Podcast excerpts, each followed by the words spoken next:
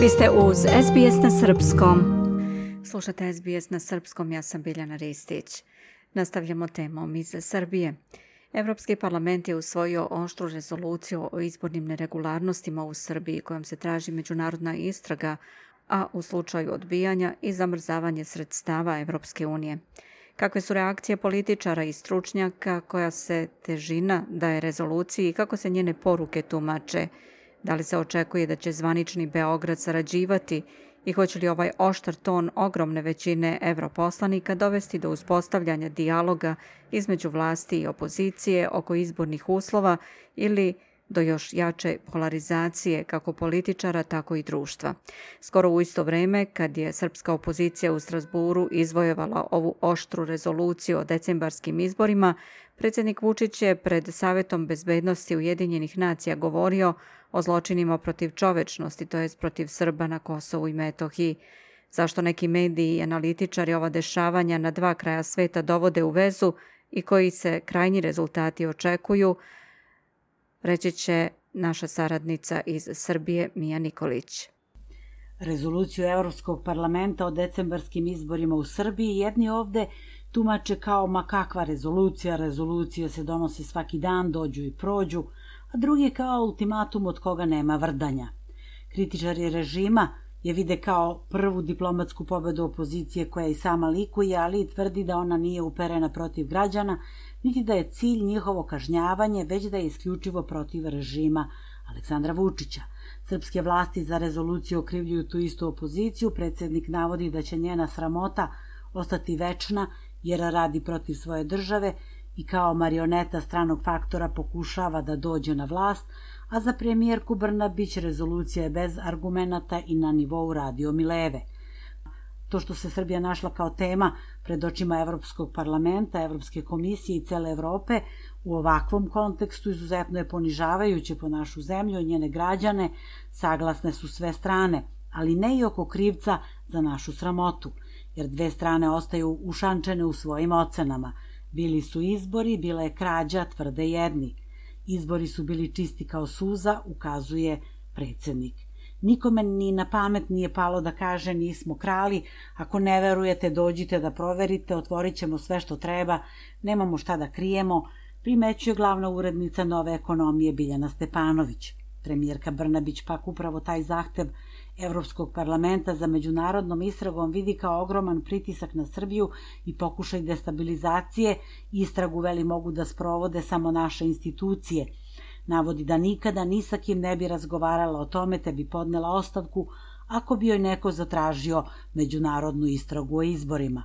Biljana Stepanović pak podsjeća kako je naš predsednik 2020. krenuo da pred kamerom pušta govore Angele Merkel na one koji su bili zgroženi, nije se ni osvrnuo, u tome nije video nikakav problem, navodi Stepanović i ocenjuje da neko za Evropljane može reći da su licemerni, da su i do sada znali šta se ovde događa, da je krađa i zlopotreba bilo od početka, ali su sve tolerisali bez reči iz svojih interesa.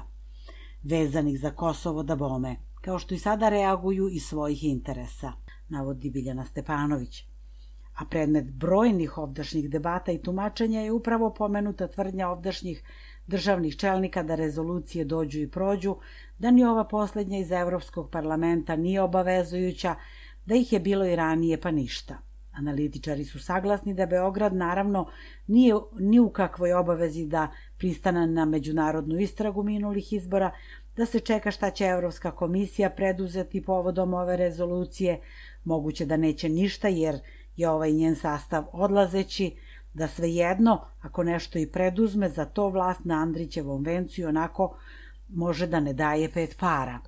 Deo domaćih poznavalaca prilika, međutim smatra da je za Vučića ovo šamar kakvog se pribojavao, da koliko god se junačio na rečima, ovu rezoluciju ne može da ignoriše, baš kao što će i ostale institucije Evropske unije imati ozbiljan problem da izraze drugačiji stav od Evropskog parlamenta kada su u pitanju decembarski izbori u Srbiji.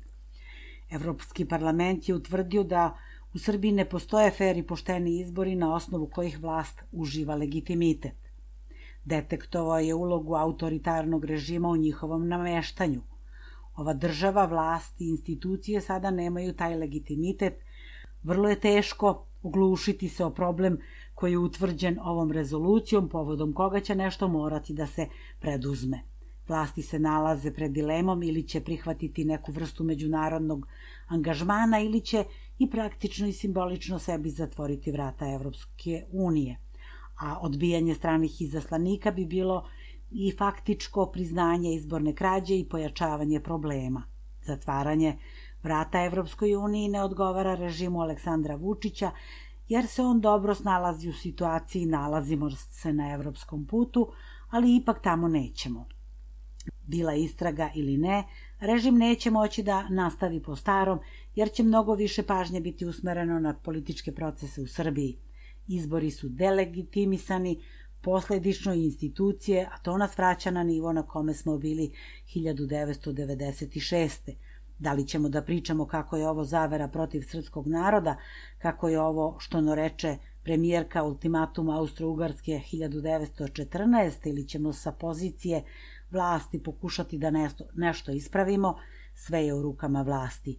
I to u situaciji kad Vučić nakon izbora povlači poteze u kori Zapada, poput kosovskih tablica i podgrevanja priče sa Rio Tintom, neke od ocena političkog analitičara Dragoljuba Anđelkovića, Vladimira Međaka, stručnjaka za evropsko pravo i novinara Nedima Sejdinovića. I da, ovde neki mediji i politikolozi nalaze vezu između događaja u Evropskom parlamentu i Savetu bezbednosti Ujedinjenih nacija. Portal Vreme piše da kada se saznalo da tekst rezolucije Evropskog parlamenta o izborima neće biti laskav za one koji 12 godina vladaju Srbijom, Predsednik Vučić je brže bolje naložio da se uputi zahtev za hitnu vanrednu i javnu sednicu Saveta bezbednosti Ujedinjenih nacija o Kosovu i Metohiji, što je urodilo plodom, pa je nastup Vučića u Njujorku čak pao u smira istog dana u kome su srpski opozicionari, njih četvoro, imali premijeru u Strasburu. Dok su predstavnici Srbije protiv nasilja govorili o tome kako su Vučić i kompanija pokrali izbore U Srbija, pre svega u Beogradu, predstavnik liste Srbija ne sme da stane Aleksandar Vučić je na Istriveru govorio o Kurtijevim zločinima protiv čovečnosti na Kosovu i Metohiji.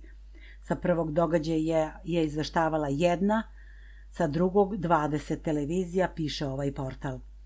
A na pitanje zašto je predsednik Vučić u Njujorku pokušao da izbegne dešavanje u Banjskoj, temu koju je kasnije nametnu Albin Kurti, Ilija Biševac, predsednik Srpskog narodnog pokreta sa Kosova i Metohije, kaže da je taj incident svakako predstavljen u svetskoj javnosti kao teroristički akt, posle koga je naša diplomatska pozicija poprilično pogoršana.